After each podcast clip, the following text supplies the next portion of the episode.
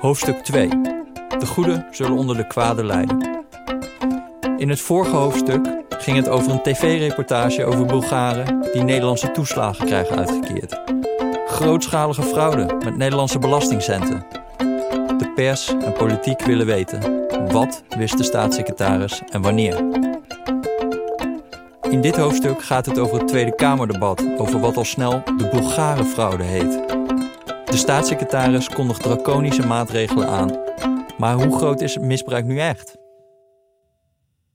Den Haag, Tweede Kamer, dinsdag 14 mei 2013. Staatssecretaris Wekers loopt door een kolkende menigte van journalisten met microfoons. Wie jokt er nu eigenlijk, u of uw ambtenaren? roept een parlementair verslaggever. Politiek journalisten hebben zich verheugd op dit Kamerdebat. De vertrouwenskwestie ligt op tafel en dat belooft spektakel. Misschien dat de grill wel even aangaat, blikt Joost Vullings van de NOS handenwrijvend vooruit. Wekers moet scoren, duidt Frits Wester van RTL, maar hij komt wel met een achterstand de kleedkamer uit. Vooral van Kamerlid Pieter Omtzigt wordt door de politieke watchers veel verwacht. De pers noemt hem ook wel de Twentse terrier, de pitbull of de oppositiehengst. Omtzigt staat bekend als een soort parlementair onderzoeksjournalist. Als hij zich vastbijt in een dossier, dan mogen de ministeries vast overuren inboeken. Hij vraagt om feitenrelazen, actierelazen, briefwisselingen, documenten, notities, memoranda. Hij vraagt en vraagt en vraagt tot de onderste steen boven is. Die dag trapt Omtzigt het debat af. Voorzitter, wellicht mogen we de Bulgaren dankbaar zijn, want er gebeurt eindelijk iets. Het is dan nog een uur of vier smiddags. Aan de vooravond van het debat heeft Siebe Sietsma van RTL Nieuws opnieuw een intern document naar buiten gebracht. Wekers hield rapport achter voor Kamer, kopte RTL. Het rapport, dat vrijelijk beschikbaar was voor alle medewerkers van de Belastingdienst, geeft een overzicht van gerechtelijke uitspraken in fraudezaken met toeslagen. Omtzigt heeft na de uitzending getwitterd dat het een cruciaal document is dat bewust achtergehouden is. Kamerlid Koolmees heeft tegen RTL Nieuws gezegd dat het vertrouwen in de staatssecretaris nu tot een absoluut dieptepunt is gedaald. Welk nieuws de Kamerleden in dit rapport hebben aangetroffen is onduidelijk. RTL Nieuws haalt uit het rapport cijfers aan over het aantal toeslagfraudezaken. De Kamer had dit graag willen weten en heeft daar ook unaniem om gevraagd. Maar Wekers heeft het dus niet opgestuurd, meldt Sietsma in het nieuwsitem. Wekers heeft een paar dagen eerder echter al een actueler cijfermatig overzicht van de toeslagenfraude aan de Kamer gezonden dan dit achtergehouden rapport. Het interne document bevat een beschrijving van rechtszaken over verschillende vormen van fraude, vormen die Wekers al eerder in Kamerbrieven had beschreven. Tijdens het debat lijken de Kamerleden het rapport overigens alweer vergeten. De ophef van een etmaal eerder is vervlogen. In plaats daarvan gaat alle aandacht naar een theorie die adjunct-hoofdredacteur Pieter Klein van RTL Nieuws deelt in zijn column op de site van RTL. Ik heb duizend en één keer besloten om deze column niet te schrijven, al dus klein. Maar ik ben het zat, de leugenachtigheid. Volgens Klein heeft Wekers het politieonderzoek naar de Bulgare fraude in gevaar gebracht door het OM niet even in te lichten over zijn interview aan Brandpunt. Alarmeerde Wekers het Openbaar Ministerie om te voorkomen dat de verdachten na de uitzending snel hun biezen zouden pakken, schrijft Klein. Op grond van wat ik hoor, wel nee, hij deed niets. Kamer omarmt deze theorie en gaat er bijna een uur op door. Vooral Pieter Omtzigt. Dus de opsporingsdiensten zijn volstrekt overrompeld doordat u een strafrechtelijk onderzoek op de televisie in gevaar hebt gebracht, bijt hij de staatssecretaris toe. Zouden de opsporingsdiensten het niet heel fijn hebben gevonden als ze een telefoontje hadden gekregen van de staatssecretaris dat er 48 uur later een grote televisieuitzending was? Een treintje van Kamerleden wisselt elkaar af achter de interruptiemicrofoon om Wekers door te zagen op dit punt. De zenuwachtige staatssecretaris staat te pezen op zijn antwoorden, tot hij halverwege het debat opeens een briefje krijgt overhandigd. Voorzitter, zegt hij triomfantelijk, ik krijg zojuist het antwoord op de vraag. De persvoorlichter heeft met de Fiat gedeeld dat ik in de uitzending zou zitten. Dit is inderdaad 48 uur voor de uitzending gebeurd en de dag na de uitzending hebben spoeddoorzoekingen plaatsgevonden bij de verdachte. De Tweede Kamercamera brengt Pieter Omtzigt in beeld. Hij oogt alsof zijn mooiste knikker zojuist door zijn tegenstander het putje in is gerold. De Tweede Kamer zat op een dwaalspoor, maar er was wel degelijk reden voor Wekers om tijdens het debat zenuwachtig te zijn. Wat wilde namelijk het geval? Het was de staatssecretaris door zijn eigen belastingdienst afgeraden om mee te werken aan het brandpuntinterview.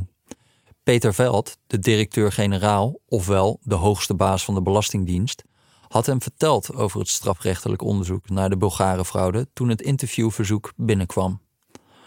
Hij had Wekers geadviseerd er niet op in te gaan vanwege het lopende onderzoek. En als hij dat dan toch zou doen, kon hij het voor de camera beter houden bij ministeriële algemeenheden over fraude.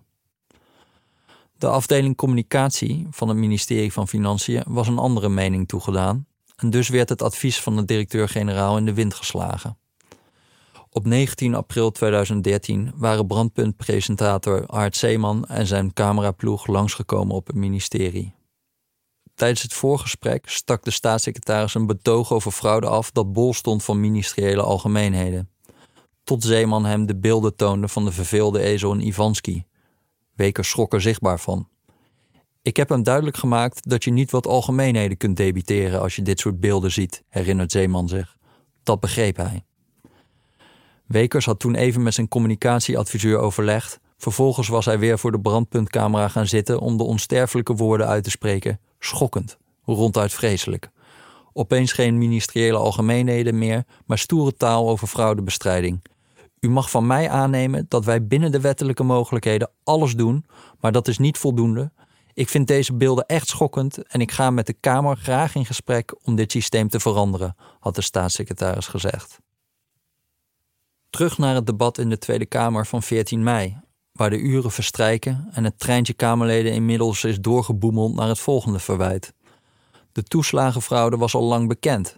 Waarom is er dan niets gedaan? De staatssecretaris wijst de Kamer erop dat hij al in april 2011 een Kamerbrief schreef met een heel scala aan antifraudemaatregelen. Zo kunnen burgers straks niet langer kinderopvangtoeslag over het voorgaande jaar aanvragen. Burgers mogen voortaan slechts één bankrekeningnummer opgeven om toeslagen op te ontvangen. En er is bovendien flink geïnvesteerd in de strafrechtelijke opsporing van fraude met toeslagen.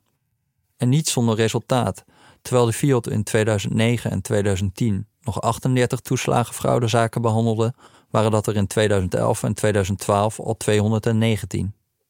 Natuurlijk wil Frans Wekers meer, net als de Kamer. Dat uitgerekend hij, die in zijn tijd als VVD-Kamerlid geen mogelijkheid onbenut liet om fraudebestrijding op de agenda te zetten, het verwijt krijgt soft te zijn tegen fraude, dat kan niet waar zijn. Voortaan, zo kondigt de staatssecretaris aan, zal de Belastingdienst met zogeheten risicoprofielen werken en zullen burgers meer bewijsstukken moeten aanleveren voor ze in aanmerking komen voor toeslagen. Maar, zegt hij daar meteen bij, besef dan wel wat dat betekent. Het is omstreeks tien uur s avonds als de staatssecretaris de Kamerleden waarschuwt. We nemen hier een nieuwe horde, zegt hij. De goeden zullen onder de kwade lijden. Profetische woorden, zo zal later blijken. Wat staat er nu op het spel bij dit debat? Dat er wel eens wordt gefraudeerd met toeslagen is op zichzelf even verrassend als dat er wel eens een pak knor wereldgerechten langs de zelfscankassa wordt gesjoemeld. In een systeem dat ieder jaar meer dan 12 miljard euro rondpompt, zullen er wat euro's verloren gaan aan kwaadwillenden. De vraag is vooral hoeveel euro's. Tussen 2007 en 2013 blijken 805 Bulgaren voor zo'n 4 miljoen euro aan onterechte toeslagen te hebben ontvangen. In dezelfde periode werd er voor 68 miljard euro aan toeslagen uitgekeerd. Het Kamerdebat gaat dus om 0,006% van alle toeslagen. En eigenlijk is zelfs dat percentage nog een overschatting. Die 4 miljoen euro gaat namelijk over alle Bulgaren die een boete kregen omdat ze te weinig informatie gaven aan de Belastingdienst. Maar niet alle Bulgaren die zo'n boete kregen zijn ook onderdeel van de Bulgarenfraude. Soms zijn het gewoon seizoensarbeiders die hier werkten en zich vergaten uit te schrijven, om vervolgens niet te reageren op informatieverzoeken, bijvoorbeeld omdat ze de taal niet machtig zijn. Dat hoeft niet per se fraude te zijn. Maar er waren toch ook frauderende Polen en frauderende Nederlanders? Inderdaad. Vlak voor het Kamerdebat laat Wekers aan de Kamer weten dat de Bulgarenfraude slechts één van de maar liefst 280 strafrechtelijke fraudeonderzoeken is die sinds 2006 werden afgerond. Pieter Omtzigt van het CDA noemt het de meest schokkende zin in de brief van Wekers. Met de 280 fraudeonderzoeken, schrijft de staatssecretaris, is in totaal zo'n 16,6 miljoen euro gemoeid. Dat is 0,02% van alle toeslagen. Van de zaken waarin geen strafrechtelijke vervolging plaatsvond, maar waarin wel een boete is opgelegd vanwege verwijtbaar handelen, bedraagt de schade zo'n 78 miljoen euro, 0,12% van alle toeslagen. Maar hoe zit het dan met die anderhalve miljard euro aan toeslagenfraude die in de media rondzinkt? Dit cijfer blijkt afkomstig uit een rapport van vakbond Advocabo, die op dat moment poogt bezuinigingen op de Belastingdienst ongedaan te maken om banen te behouden. In zijn zelfberekende som van anderhalf miljard euro promoveert de vakbond en ieder die een deel van de toeslagen nog terug moet betalen tot fraudeur. Dat is vreemd, want bij bijna een derde van alle toeslagen moet er elk jaar een gedeelte terugbetaald worden door de ontvanger. Voorzitter van Advocabo Corrie van Brenk, tegenwoordig fractievoorzitter van 50PLUS, is op dat moment in een strijd om het leiderschap van FNV verwikkeld. Ze verschijnt veelvuldig in de media om te vertellen dat Wekers jokt over de Bulgarenfraude. Ook de pers neemt het woord fraude steeds makkelijker in de mond. Journalist Sietsma vertelt in een item van RTO Nieuws dat talloze Polen zich bij de gemeente Westland hebben gemeld met de mededeling dat ze ten onrechte nog steeds toeslagen ontvangen. Keurig, zou je zeggen. Maar als er eerlijke Polen zijn, dan zijn er vast ook oneerlijke Polen, concludeert Sietsma. Er is sprake van grof misbruik volgens bronnen bij de Belastingdienst, zegt hij. Niets in het item maakt duidelijk hoe groot dit grove misbruik is. En is het überhaupt wel misbruik? Sietsma citeert een anonieme medewerker van de Belastingdienst die ooit zag dat een Pool tienduizenden euro's aan toeslagen ontving vlak na dienstinschrijving bij de gemeente. Maar was dat ook fraude? Het is inmiddels kwart voor twaalf s'avonds en het Wekersdebat is nog steeds niet afgelopen. Gebeurt er nog wat, Paul? Politiek verslaggever Paul Jansen van de Telegraaf is bij Pauw en Witteman aangeschoven voor de broodnodige duiding. Al de hele tv-uitzending zit Jansen aan tafel met een onooglijk grote koptelefoon op om te luisteren naar Frans Wekers.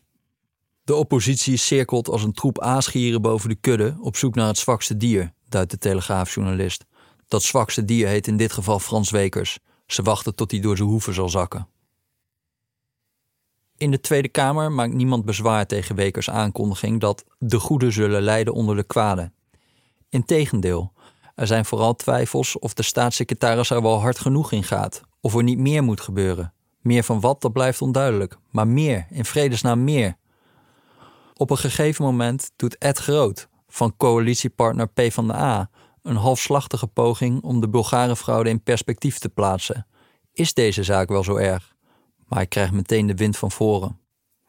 Ik heb het gevoel dat Groot de hele kwestie van de Bulgaarse toeslagenfraude aan het bagatelliseren is, zegt Farshad Bashir van de SP. Het woord zal nog vaak terugkomen tijdens het debat. Bagatelliseren. Dat mag je vooral niet doen. De staatssecretaris wist veel, deed weinig en bagatelliseerde het probleem, aldus Bram van Ooyek van GroenLinks.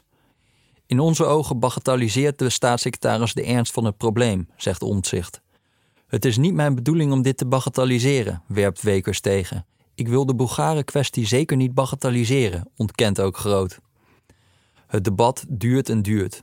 Het is half één s'nachts als plaatsvervangend minister van Binnenlandse Zaken Ivo Opstelt aan het woord komt. Hij dreunt ongeïnterrumpeerd ellenlange opsommingen op van de vele manieren waarop adresfraude wordt tegengegaan. Er zijn implementatiecirculaires via roadshows voor gemeenten en afnemers. Deze orerende melatonine kan de Kamer slecht gebruiken op dit tijdstip. Ook kunnen goede voorbeelden worden gedeeld via de GBA-kwaliteitskrant. Voorzitter, ik kan nog even doorgaan. Er stijgt een hoorbaar nee op uit de Kamer. Maar hoezo nee? Wie zich druk maakt over de Bulgarenfraude zal zich niet alleen tot Wekers als staatssecretaris van Financiën moeten richten. Misschien wel juist niet. De Belastingdienst baseert zich bij het uitkeren van toeslagen namelijk op de adresregistratie van Nederlandse gemeenten. En precies daar is het misgegaan. Sommige Bulgaren hebben zich in Nederland kunnen inschrijven terwijl ze er niet woonden. En daarvoor is niet de staatssecretaris van Financiën verantwoordelijk, maar de minister van Binnenlandse Zaken. Het is inmiddels half twee s'nachts als Omtzigt weer aan het woord komt. Iedereen weet wat er nu gaat komen.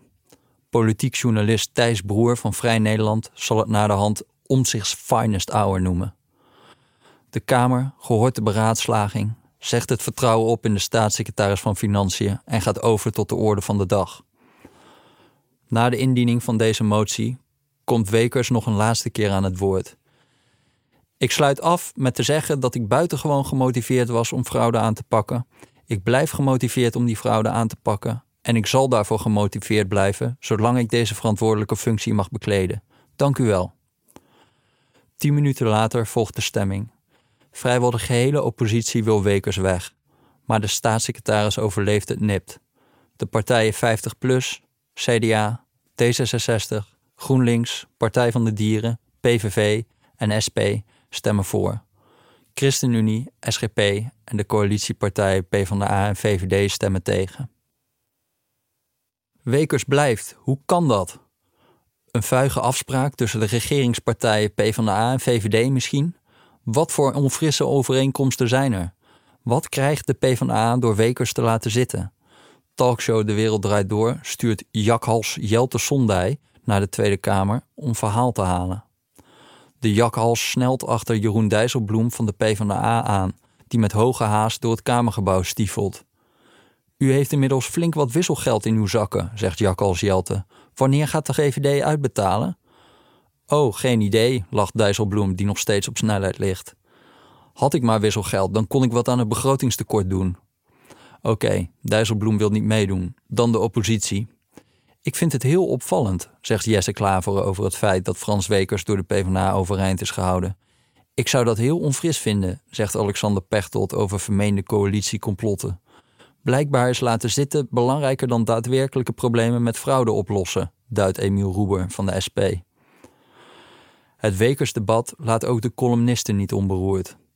In de Volkskrant vraagt columnist Shaila Sital Singh zich af of zij dan de enige sukkel in het ganse land en ver daarbuiten is die niet in een hangmat in Marbella ligt met dank aan royale voorschotten huur, kinderopvang en zorgtoeslag. Voor het optreden van Kamerlid Ed Groot van de PvdA, die Wekers in bescherming nam, heeft ze geen goed woord over. Het was deerniswekkend, de aanblik van de man die zich stotterend door het eerlijke verhaal heen worstelde, schrijft ze. Peter Middendorp, ook in de Volkskrant, ziet een diepere geologische laag in het optreden van Frans Wekers. Hij komt van het zand, Frans, schrijft hij. Middendorp bedoelt dat Wekers uit Limburg komt. Zandmensen geven altijd mee. Je krijgt alles van ze gedaan, schrijft hij.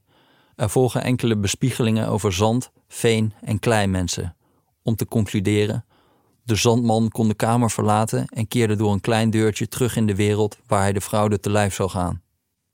Ondertussen is adjunct hoofdredacteur Pieter Klein van RTL Nieuws nog steeds woedend over de Bulgarenfraude en de reactie van de staatssecretaris. De gruwelijke voorspelbaarheid van de opportunistische politiek stoorde me meer dan ik kan zeggen, schrijft hij in zijn column. We hebben aangetoond hoe ernstig het misbruik van onze verzorgingsstaat is, maar de beleidsmatige reactie bleef uit. Er wordt op grote schaal gefraudeerd.